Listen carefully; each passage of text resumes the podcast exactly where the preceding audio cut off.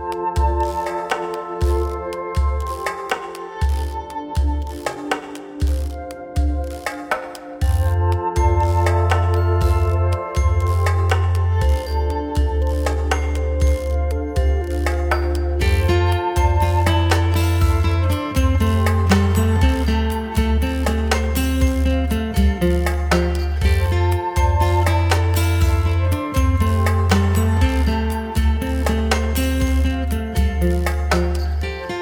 lyssnar på Kass och Krass med mig Cassandra Alm. Och med mig Ida Krasse.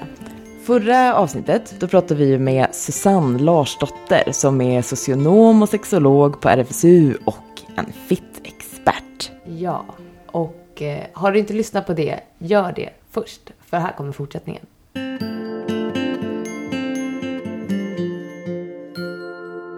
Vi har ju pratat om det förut, bland annat då om, i, angående den här dokumentären Sexy Baby som finns på UR Play.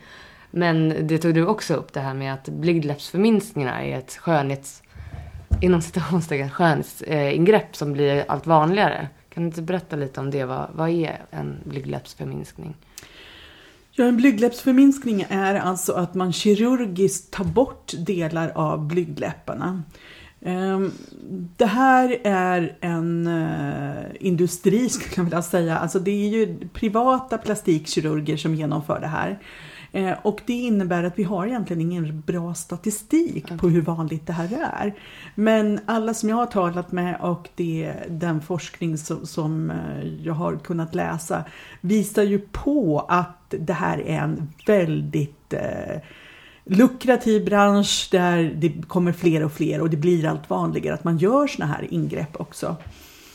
Det är väldigt kritiserat från många gynekologer och eh, sexologer skulle jag vilja säga och naturligtvis också från annat håll därför att det är ett ganska radikalt ingrepp i eh, ett organ som vi har väldigt mycket eh, för att också kunna njuta och känna sexuell lust. Alltså, dels så kan man väl säga att tar man bort väsentliga delar av blygdläpparna som har väldigt mycket känslighet som också är en viktig del i, i njutningen för att de blodfylls och eh, blir väldigt känsliga för beröring. Tar vi bort delar av det så tar vi också bort delar av förmågan att njuta av de här delarna. Sen alla som någon gång har opererats vet ju att ett operationsområde blir ju väldigt speciellt efter en operation. Eh, det är ju inte ovanligt att man tappar känseln eh, en bit därifrån. Eh, det kan också bli olika andra sensationer i det här området, alltså känselsensationer som, som inte alltid är positiva. Man kan få man kan känna kyla eller värme eller det, man kan få smärtor i, i olika eh, sådana här områden som, som innebär att man har, har gjort någon form av kirurgisk ingrepp. Dessutom är ju de här operationerna vanligtvis av blygdläppar som är helt inom normalområdet. Och då, med normal menar jag då att det som statistiskt är vanligast förekommande. Alltså de bilder som man ser till exempel som före och efterbilder på olika plastikkirurgiska kliniker här i Sverige. Mm. De förebilderna som liksom visar på hur blygdläpparna såg ut innan det här kirurgiska ingreppet och efter. De blygdläpparna är liksom helt inom normalspannet för liksom vanligt förekommande blygdläppar. Mm. Eh, och blygdläpparna är ju fantastiska på det viset att de kan vara liksom allt från några millimeter, kanske en centimeter till att de är flera centimeter, kanske upp till en 6-8 centimeter. Alltså, mångfalden är så otroligt stor. Mm. Eh, och här finns det någon slags föreställning om att vissa blygdläppar kan vara för stora, men det är ju det är precis som resten av vår kropp, det, det varierar. Föt, vi kan ha storleken på fötterna kan variera från jag skulle kunna tänka mig 36 till 42 på en, en person som definieras som kvinna. Liksom. Det, vi ser olika ut och vi har olika stora blygdläppar. Någonting som man inte heller pratar så mycket om vad gäller blygdläppsförminskningar det är att man går in på några av de här svenska plastikkirurgerna som gör de här eh, blygdläppsförminskningarna så står det också att man har gjort ett klitorislyft. Mm. Och vad är då ett klitorislyft? Mm. Jo, det är sker alltså ofta i samband med blygdläpparna. För gör du blygdläpparna väldigt mycket mindre så tycker då eh, de här kirurgerna att då så ser klitoris eh, ovanligt lång och stor ut. Så då skär man upp lite runt klitoriskaftet och lyfter in en del av klitoris och syr fast igen. Alltså.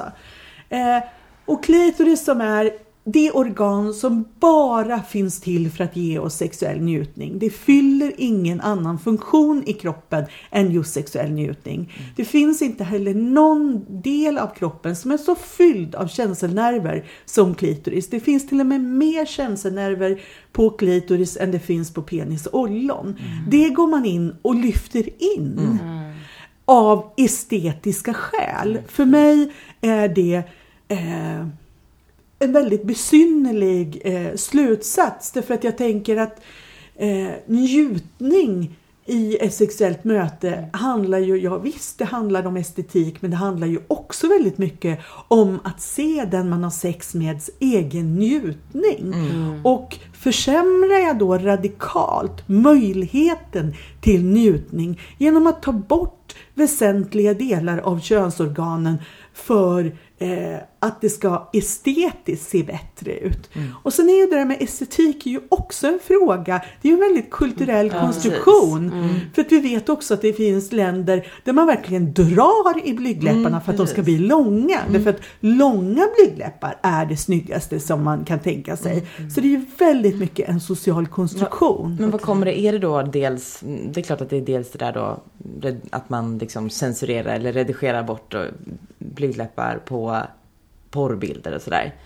Men vad är det eller varför, varför, vill, varför tycker vi att jag de ska vara små? Tror att det, alltså att man kan ju se, eh, och det här kanske låter lite kontroversiellt, men man kan alltså se att personer som, som gör olika plastikkirurgiska ingrepp i sin kropp eh, generellt också ibland har lite sämre självförtroende, mm. självkänsla och man tänker att det här ska ge en bättre självförtroende och självkänsla. Och jag tror att egentligen att det här inte hjälper för egentligen för att få en bättre självkänsla. Mm, mm. Eh, och det, det, jag läste nyligen en, en studie från, från en vetenskaplig tidskrift som handlar om porr där man såg att ja, det kanske inte alla kanske inte påverkas av porr utan det är de som redan innan har en dålig självkänsla och kanske tänker att man inte duger som mer jämför sig med eh, porrmodeller mm. medan de som, som är nöjda och trygga med sin kropp eh, kanske inte i samma utsträckning påverkas av det här. Mm.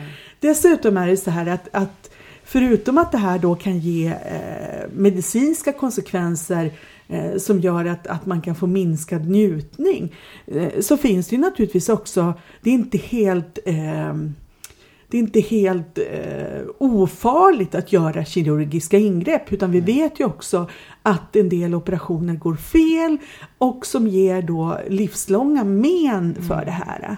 Sen pågår det ju också en debatt i Sverige för det är ju väldigt intressant det här att svenska kvinnor av estetiska skäl får göra radikala mm. ingrepp mm. i, eh, i sina genitalier. Men kvinnor från andra länder eh, som gör det här av, av kulturella skäl. Det är totalt förbjudet i svensk mm. lagstiftning. Mm. Och jag kan tycka mm. att det finns någon viss form av rasism inbokat, eller inbakat i det här. Va? Mm.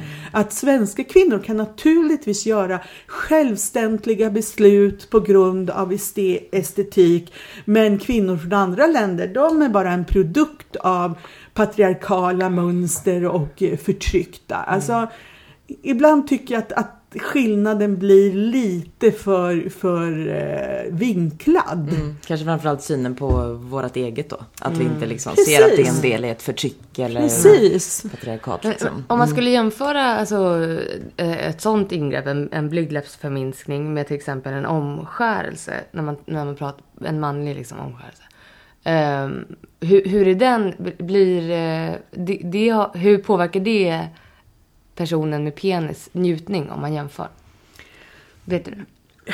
Ja, det, jag har inte riktigt de kirurgiska kunskaperna så att jag kan riktigt göra den jämförelsen. Men vet ju också att, att ta bort förhuden minskar känsligheten på ollonet. Och vi vet också att det finns en rad män eh, som upplever att, att det här med att man har tagit bort förhuden har påverkat dem negativt. Därför den här minskade känsligheten på ollonet gör att det blir svårare att få eh, orgasm och kunna ejakulera. Och det här är ju inte, det är också en sak som, som kan förändras med åldern. För att när vi är när vi är unga har vi kanske lättare, eller när, när, personer som har en penis är unga så kanske det är lättare att komma. Och då kan det till och med vara lite positivt att man har lite minskad känslighet som gör att man inte ja, kommer för snabbt.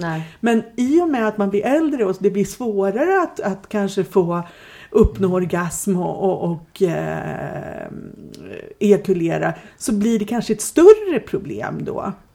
Men visst, det finns absolut likheter i och med att man minskar eh, känsligheten eh, i de här olika ingreppen. Men vi ska, om vi pratar om eh, kvinnlig omskärelse så ska vi också veta att det finns många olika former av kvinnlig mm. omskärelse. Det finns ju former av kvinnlig omskärelse som bara innebär en prickning som egentligen bara är ett rituellt ingrepp där man, där man gör en, en, ett litet stick i klitoris som en rituell handling och det är ju ett mindre ingrepp mm. än att göra en blygdläppsförminskning. Så det är också viktigt att se att omskärelse kan vara av olika eh, kategorier på något sätt. Men jag tänker att, att vi behöver problematisera varför man gör de här ingreppen. Och vissa säger att ja, men det, det blir ett problem, man har så här långa blygdläppar och man ska rida eller cykla eller sådär. Ja, cykla kan bli problem oavsett hur stor, stora blygdläpparna är. Jag har kompisar mm. som cyklar eh, mer liksom, eh, inte bara i träning utan mer i tävlingssammanhang och de säger att oavsett storleken på blygdläppar så kan det är svårt att ha sex mm. under, under säsong. Mm. Alltså det, det blir starka så. nötningar mm. oavsett storleken på blygdläppar. Men sen är det också så här, alltså Ska vi anpassa blygdläpparna till cykelsadeln eller ska vi anpassa cykelsadeln till blygdläpparna? Det är också en väldigt mm. intressant fråga. Mm, och jag har kollat upp det där. Det finns väldigt mycket bra sadlar som alltså har ett hål för ja. blygdläpparna där man också kan hänga fritt. Mm. Jag har också mm. pratat med ryttare som säger att ja, ibland får man prova fram en bra sadel till eh, som passar för ens blygdläppar när man ska rida. Mm. Och tänka på det att man ska inte ha ridbyxor som har en söm som, som skaver, Nej, man kan behöva ha glidmedel på. Det finns också liksom flera mm. olika möjligheter för att underlätta för det här. Mm. Och så ska jag säga till slut om, om, om det här med om man har så långa blygdläppar så att det verkligen dagligdags är ett problem eh, där man får någon form av men av det här. Då är det naturligtvis eh, landstinget som bekostar en eventuell, ett eventuellt mm. ingrepp om det verkligen påverkar min person. Mm. Men det är väldigt, väldigt, väldigt, väldigt sällan mm. som det ens är liksom eh, så att, att det verkligen ger den här påverkan. Mm. Ofta så liksom, jag menar, tänk bara på att, att personer som har en penis, jag menar den där är i vägen emellanåt. Mm, och det precis. kan man ju liksom se att, att den måste flyttas på eller mm. läggas på sidan. Och på samma sätt är det naturligtvis med blygdläppar. Jag kan behöva liksom lägga blygdläpparna till rätta ja. för att de inte ska liksom mm. eh, skava emot eller vara besvärligt. Mm. Men det finns inte heller någon liksom, en tjej som kör ner handen mellan benen och börjar rucka på blygdläpparna. Det skulle väcka mycket mer uppmärksamhet än att mm. man ser en, en man som liksom drar penisen lite åt sidan för att den inte ska liksom ligga obekväm. Nej, precis. Det är ju fruktansvärt att börja tänka att liksom vi ska uh, anpassa våra kroppar för att det ska passa. Inte bara, alltså det är fram, eller dels jättefruktansvärt om vi ska anpassa dem utifrån liksom en struktur, ett patriarkat och skönhetsideal. Men också utifrån vad som mm. finns. Alltså mm. utifrån vad som är, som att det är vi som har skapat stolen, det är inte vi som har skapat mig liksom. Eller ja.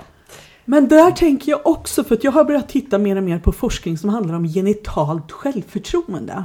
Mm. Och det tycker jag är jätteintressant och någonting som jag tror att vi måste fokusera mycket mer på. Mm. Att vi ska ha ett gott genitalt självförtroende. Att vi ska kunna vara stolta över våra genitalier. Vi ska kunna vara stolta över vår fitta och tänka så här Alltså jag har ju de mest vackra blygdläppar som man kan tänka sig. Tänk att jag blev utrustad med så enormt vackra eh, delar av min kropp. Och där tänker jag också så här, för jag eh, personligen så fick jag min första komplimang runt mina blygdläppar när jag gick till Ylva Fransén som då hade någon sån här slags omvänd gynundersökning där hon hjälpte en att leta på olika områden som kändes skönt och sådär. Vem är hon? Kan du berätta?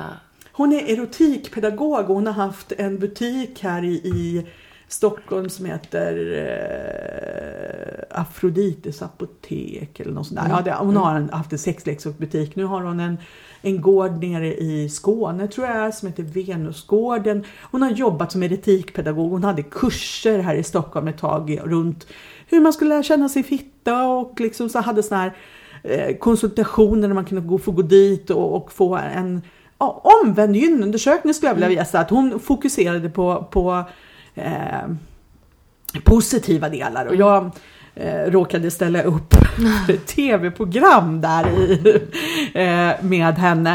Eh, men där hon säger så här, men åh vilka välvälvda jättevackra blygdläppar du, har- har. Och jag blev liksom så här stolt över att få en sån vacker komplimang. Men också jävligt förbannad. Varför hade inte någon av mina tidigare älskare, älskarinnor eller partners någon gång sagt att jag hade så vackra blygdläppar? Varför ger vi så lite komplimanger över också hur vår fitta ser ut? Eh, och också där liksom varför kan vi inte berömma delar? Och alltså, så jag älskar när jag ser hur din klitoris liksom verkligen erigerar och står upp. Sådär. Jag älskar att se dina blygdläppar formade som två blomblad och verkligen lägger sig ut. Nu kanske det har varit lite romantiskt men liksom, jag jag du älskar att se hur otroligt våt du blir och liksom va- varför ger vi inte varandra komplimanger också runt eh, våra fittor? Och va- varför... Eh, och där tänker jag också, finns en annan eh, tradition också av att berömma kukar på något sätt än att berömma fittor och säga att de är otroligt vackra. Mm. Ja, men det är precis. Det, det känns som att det är något som, som eh, tystas bort. Den, den, bara- är. Den bara är ja, precis. Den bara är. Och, och, och i värsta fall så är det bara slidande, liksom hålet som precis. räknas. Resten syns inte och pratas inte om och uppmärksammas inte på samma sätt. Utan ja, det var som det stod i en barnbok jag tittade på. Att, att, eh, eh, att mannen hade en penis och kvinnan har en, en tofs med hål i. Och jag, alltså jag tycker den mest tragiska be, be, be, liksom, beskrivningen. Ett hål, ett hål är ingenting. Nej. Det är icke-sak. Eller det är, en, det är en brist på något annat. Mm. Ja, Ja. Ja, det är hemskt. Apropå tofsen då. ja. Vad, är, vad, är det, det. vad finns det för? Det mm, finns ju också väldigt... Eh, Trender, kan man på, säga.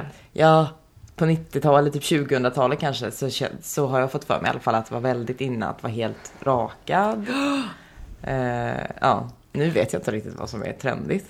Men Nej. Ja, hur är det?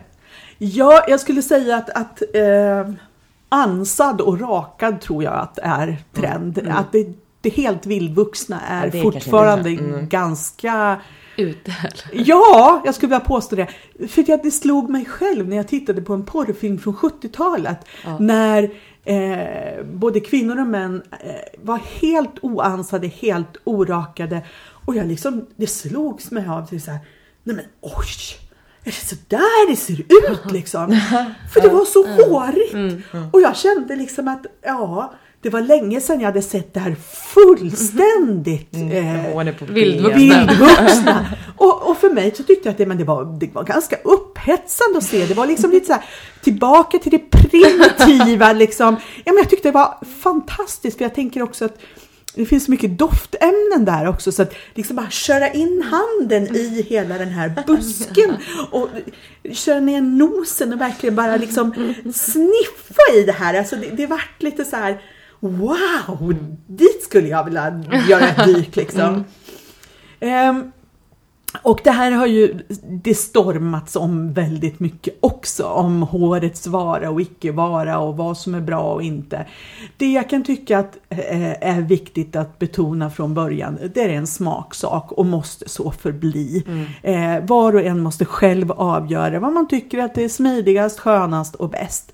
Men någonting som jag verkligen vill lyfta fram, det är att det går inte att säga att det är fräschare med en, en, eh, ett rakat kön. Nej. Nej. Eh, därför att rent fysiologiskt står det till så att om du rakar dig så bildas små mikroskopiska sår Eh, och det oavsett om du rakar eller om du vaxar.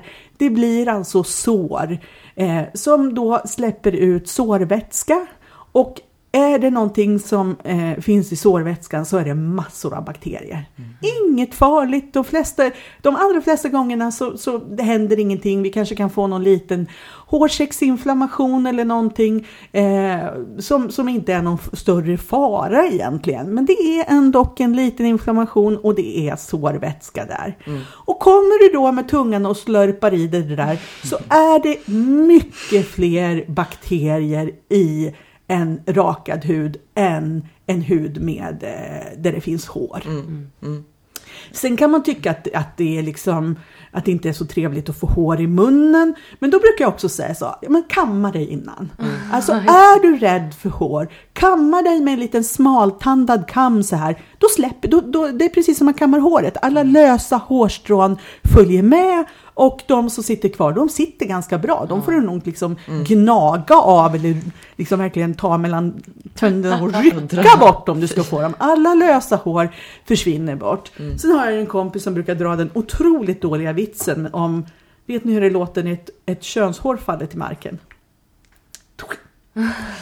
Ja, den är dålig, jag vet det. Men, men alltså, är det så himla farligt då att få ett hår i munnen? Alltså mm. de flesta som är, är långhåriga och så här, mm. får något hår i munnen ibland och liksom, det är väl inte hela världen. Mm. Men tycker man att man vill vara helrakad, fine, gör det. Men sprid inte att det skulle vara fräschare eller ett måste eller såna här saker. Nej. Utan överlåt till var och en att ta det beslutet själv. Mm.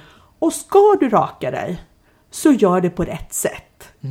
Berätta, hur är det? Det vill säga att använda en vass hyvel, liksom återanvänd den inte för många gånger.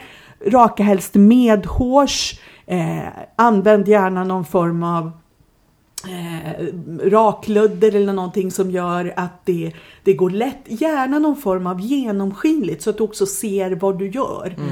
Och var framförallt inte där med någon slö rakhyvel och dra flera gånger. För det säger sig självt, det blir ännu mer små sår mm. om du är och skaver och skaver och skaver och skaver. Mm. Eh, och titta gärna så att du liksom inte skär dig, att du inte gör illa dig med mm. någonting. Och ja, lägg gärna på någonting lite lugnande kräm också efteråt. Eh, så att du, att du liksom är rädd om eh, om din egen mm. fitta. Eh, och gillar du inte att raka helt så finns det också det här mellanalternativet att också ansa lite grann. Att ta saxen och klippa av lite grann eh, så att det blir lite kortare. Mm. För håret fyller ju också en funktion. Ja, precis. Alltså, Vilken jag då? På, dels alltså det här med bakterier i sår och så. Men ja. Är det inte också... Mm, liksom det blir en luftficka. Ja, men, men också som skydd för liksom själva mynningen. Ja, mm. det, det, skapar alltså ett skydd. Det, mm. det, det, gör ju också att bakterier och virus inte kommer Nej, ner lika lätt utan det mm. skapar ju liksom ett skydd. Och det skapar också en luftficka.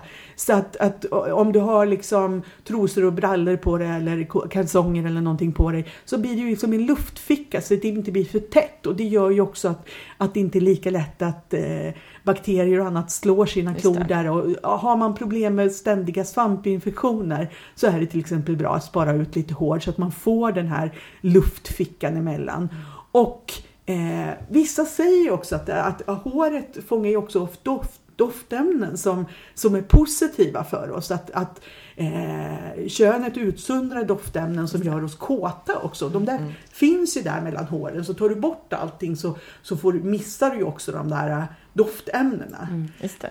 Så att, att äh, ja. Så raka eller inte raka? Vad säger du? Jag säger ansa. Någon slags jämn eh, mellanväg. Att, mm. att det, eh, då, för då slipper jag de där såren. Jag har fortfarande håret som, som fortfarande skyddar. Men eh, jag får inte det allra mest vildvuxna. Även om jag, alltså, efter att ha sett den på filmen så... Mm, kanske. Kanske har förändrats där. Hänger med i hela våran... Kanske blir en sen eh, liksom, koppling till att vi det här friluftsliv och into the wild-trenden som finns i allt annat. Precis. Börjar låta det växa där Vildmarksliv kan mm. man leva på olika sätt. Ja, precis. Ja. Ska vi gå över lite till tips? Vi, eh, fast vi, vi var kanske inne på det här lite tidigare. Mm.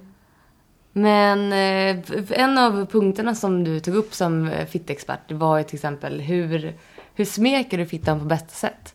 Det är ett sorts tips som, vi gillar ju tips här i Kasskrass. Ja, alltså det är ju lite spännande det här med, med smekningar för att det är ju också väldigt olika vad man gillar. En del tycker att gå aldrig direkt på klitoris utan det är för känsligt att gå direkt på. Och då är det ju spännande att röra sig runt om. Och det kan man ju göra på lite olika sätt. Men man kan liksom cirkla runt både klitoris, man kan cirkla runt eh, själva eh, slidmynningen och då liksom inte gå direkt på utan faktiskt vara i områdena runt om. Eh, och man kan både cirkla eller dra liksom vågrörelser eller mer liksom linjer så här. Eh, sen är det ju också så att om du börjar närma dig klitoris så är det ju liksom spännande att bygga upp upphetsningen.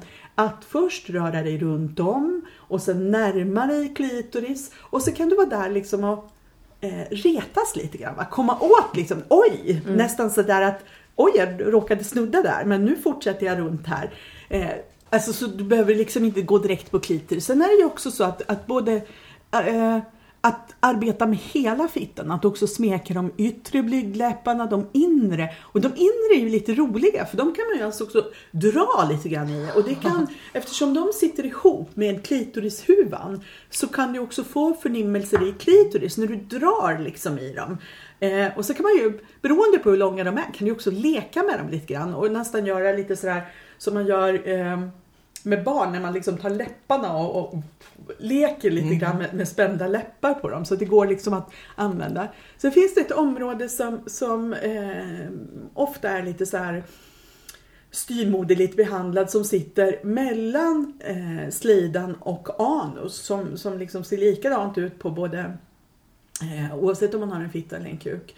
Eh, mellangården eller perineum. Det där är ett område som också innehåller ganska mycket känselnerver som man också kan vara och trycka på lite grann. Eh, och nu gör vi en liten avvikning men även om, eh, om, om man är tillsammans eh, och har sex med någon som har en penis så kan man till och med nå prostatan den vägen genom att trycka där. Men det är också mycket känselnerver på de som har, eh, som har en eh, fitta. Sen eh, är det ju klitoris. Där har du ju liksom den synliga delen är bara ollonet men som jag sa så kan du liksom ta i klitoris och runka av hela liksom skaftet där. Och sen själva klitoris kan du ju göra hur mycket som helst med. Många är ofta känsligare på ena sidan av klitoris än den andra.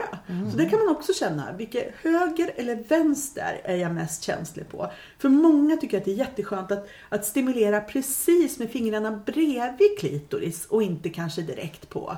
Och det där får man ju känna efter eh, vilket som känns skönast liksom. Sen har vi liksom precis utanför urinröret tycker vissa om att man trycker precis utanför urinröret. Vissa tycker att det känns som en sämre eh, vad heter det, så här, blåskatarr. Så det är ju också vä- väldigt olika om man tycker Ja. om. Men där finns det också svällkroppsvävnad som, som kan vara skönt eller vara mindre skönt.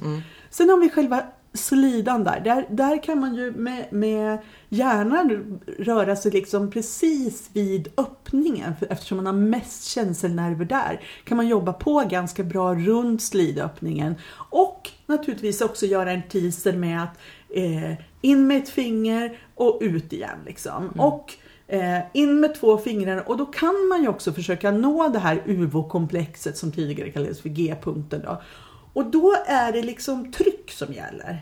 Det är, och gärna lite så här komsi komsi rörelser med två, med två fingrar och lite tryck. Va? Att det ska inte vara något så här menlöst smekande där. Och det är allmänt inne i slidan så kan man ta i lite hårdare där. För att liksom, eftersom vi har mindre känselnerver där så, så kan vi vara lite mer eh, och där är det ju alldeles utmärkt. Gå på en liten upptäcktsfärd runt i slidan. Vart känns det skönt? Var känns det inte skönt? Eh, vart gillar jag att stimulera och vad gillar jag inte att stimulera? Eh, och oralsex är ju också en sån här spännande sak. Jag brukar ha övningar med klubbor för att man ska testa. Eh, om man vill göra... Eh, Även för, inte bara för de som vill eh, tillfredsställa någon med en penis.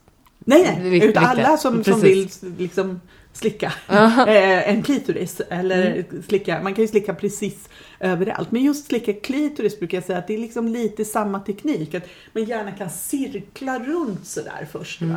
Eh, runt klitoris, inte på klitoris utan runt liksom, Mm. runt hela området så att man börjar bygga upp en upphetsning Mm. och sen kan man liksom närma sig klitoris, liksom en, en snabb liten kyss bara eller, eller en så här snabbt och sen bort därifrån. För att det är ju häftigt det här när vi ökar vår upphetsning och någonting som också är spännande att leka med det är ju att öka upphetsningen till en viss nivå när vi känner det liksom sådär att ja, lite till nu och så kommer jag. Men att, att nå den där nivån, om vi säger att 10 är då jag får orgasm, att jobba upp till 7-8 någonstans och sen dra ner igen. Va? Till 3-4 kanske. Och jobba upp till 7-8 igen, ner till 3-4. För då är det många som upplever att, att man får en ännu starkare orgasm. Att när man jobbar med de här höjningarna och sänkningarna. Eh, så när man väl orgasmerar så blir det ännu starkare. För att man, och man kan liksom bara säga gör det inte en gång till. Så det kan vara liksom lite så här, Teaser. eh, ja verkligen teaser eller liksom nästan sådär att man är beredd att göra precis vad som helst bara du för dig över, över krönet. Det ska jag säga så, eh, det här är ju också hemligheten med, med personer med penis. Är ju det här hemligheten att, att hitta det här ja, men typ 8 området. För då kan ju också män bli mångorgasmiska. De kan alltså få flera orgasmer innan man ejakulerar. Men då gäller det liksom att man hittar det här 8-9 området. För då kan män också få en orgasm utan att ejakulera. Vilket gör att de kan få flera orgasmer innan ejakulation. Men personer med fitta har ju en fantastisk förmåga att ganska så snabbt efteråt kunna få orgasm på orgasm på orgasm. Men direkt efter man har fått orgasm kan man ju känna sig lite känslig sådär runt klitoris. Och då är ju hemligheten att kanske inte gå direkt på klitoris igen va? utan återigen vara där och bygga upp en liten upphetsning igen. Men det är ju jättespännande. Alltså någon gång ska man ju prova på hur många orgasmer kan man få på raken egentligen. Liksom. Ofta så känner man ju någon form av mättnad att nej, men nu, nu, tycker jag att det liksom, nu tycker jag att det räcker. Men jag har varit i ett sammanhang där man fick liksom, jag var på kurs där, där man inte skulle försöka känna den här mättnaden utan att fortsätta och fortsätta och fortsätta. Och någonstans vid 23 så tappade Men jag gud! räkningen alltså. Men det har, Wow. jag har aldrig varit i närheten av det Ja. förut. Nej. Men just bara att, att ha den inställningen är vi fortsätter, vi fortsätter. Eh, så är, alltså det är ju också så fantastiskt vad, vad liksom kvinnokroppen eller fittan är möjligt att göra. Sen är ju inte det, det är inte kanske alltid så här, åh, det var det mest fantastiska jag varit med om, för det, det är ju också lite ansträngande. Men det är ju spännande att se vart går ens kroppsgränser, vad är man förmögen till att göra? Eh, och det här bygger ju, tänker jag också på, eftersom det inte är så många män eh, som har den här förmågan till mångorgasmiskhet utan eh, att sexet väldigt mycket upplagt för att när eh, en man har ejakulerat så är sexet slut. Det gör ju att väldigt många kvinnor inte får den här möjligheten att, att få en åktur till efter den första. Liksom. Nej, och jag tänker att ja, men är man på tivoli så kanske det är så att, att de karusellerna som var roliga vill man åka fler gånger, tänker jag. Eh, och det här att, att ja, men även om man har haft, om man är ett heteropar och man har haft samlag, båda har kommit, ja men Alltså jag skulle vilja åka en gång till. Att man också kan fråga efter att har du lust att ge mig ett par orgasmer till? Liksom? Eller att, att det är okej att jag tillfredsställer mig själv. Men det är också någon så här Nej men inte ska väl jag? Nej.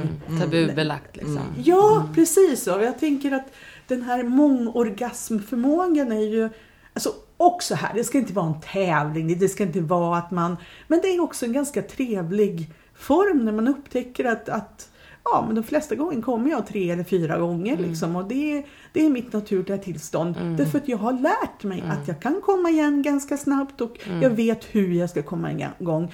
Och gillar man inte det, fine, men det är också sådär fint att man ändå har lärt känna sin kropp och vet att man är förmögen till det. Sen Ja. är man olika sugen. Mm. Ja, men i synnerhet, eh, tänk om eh, statistiken skulle kunna gå ditåt istället för att 17 procent inte kommer alls. Exakt. Exakt, att man inte som det är nu så kommer många kvinnor överhuvudtaget inte, de får inte orgasm vid sexuella kontakter. Och där, där kan man ju också säga att statistiken ser ju lite bättre ut om man tittar på kvinnor som har sex med kvinnor. De får ju orgasm i högre utsträckning än heterosexuella kvinnor. Och då tänker jag att vi kanske har någonting att lära av det där också. Mm, verkligen. Och att vi inte ska gå på den här myten om den samtidiga orgasmen. Nej. Alltså, jag tänker många gånger att hälften av en sexuell upplevelse är ju att se den man har sex med njutna, njuta och få orgasm. Men får jag samtidigt orgasm då har jag ju liksom ingen möjlighet att njuta av den andra. Jag är ju så fullt fokus på mig själv så att det liksom, hur ska jag kunna njuta av den andras njutning då? Just det. Så det är, ja. Massa bra tips. Precis, Ja. jag, jag, jag tycker att eh, har du fått hjälp av det här, skicka gärna ett glatt eh, mejl. Fy fasen. Ja, jätte, jätteroligt och intressant att lyssna på och eh, lärorikt också. Vi, jag tänkte, ska vi börja runda av lite? Ja. Eller? Mm. Vi, vi, men vi måste bara prata lite mer om dig Susanne. Vi, eh, på din hemsida så kan man ju se att du också är ledamot i Snuskiga akademin. Det måste du bara berätta om lite. Jag Vad är det? Eh, Snuskiga akademin var ju en eh, idé från en konstnär eh, som eh, ville skapa en eh, ny ordbok, Snuskiga akademins ordbok. Så det var liksom en crowdfundingprocess där, där människor fick då betala in pengar och hon skapade då en snuskig akademi med, med 17 ledamöter som sig bör, där jag hade den stora förmånen att få vara en av ledamöterna. Eh, och sen fanns det då en hemsida där människor eh, gav massor av förslag på nya snuskiga ord. Eh, och så var det vissa som, eh, så fick man rösta av vilka ord som man tyckte var, var, eh, var bra, att den skulle in i den här snuskiga akademins ordbok.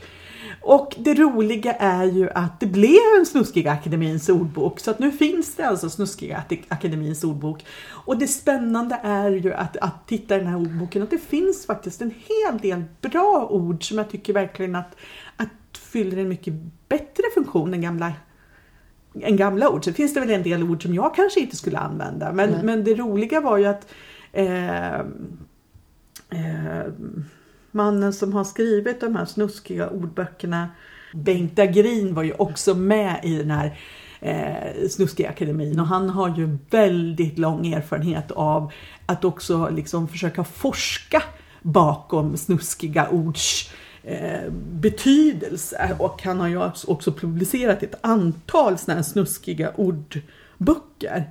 Eh, och ja, det var ett, fantastiskt roligt att också samarbeta med honom och eh, också få en del kunskap om de här olika orden. För det kan vi också säga att språket och orden eh, har ju också väldigt olika eh, betydelse och funktion. Jag tänker på Karin Milles bok, språkforskaren som har gett ut, gett ut en bok om som liksom handlar vetenskapligt språkligt om de här fula ordens bakgrund där hon har tittat på att, att väldigt mycket ord runt, det, det, liksom, runt kuken handlar om ståtlighet och kung Karls spira och sådär medan de kvinnliga orden mer är liksom lite äckliga geggveck och sådana saker. Och det är också intressant till att till och med språket har ju påverkats eh, av synen på fittan där fittan liksom eh, har mindre statusord och där mäns eh, män och personer eh, med penis eh, deras benämningar är liksom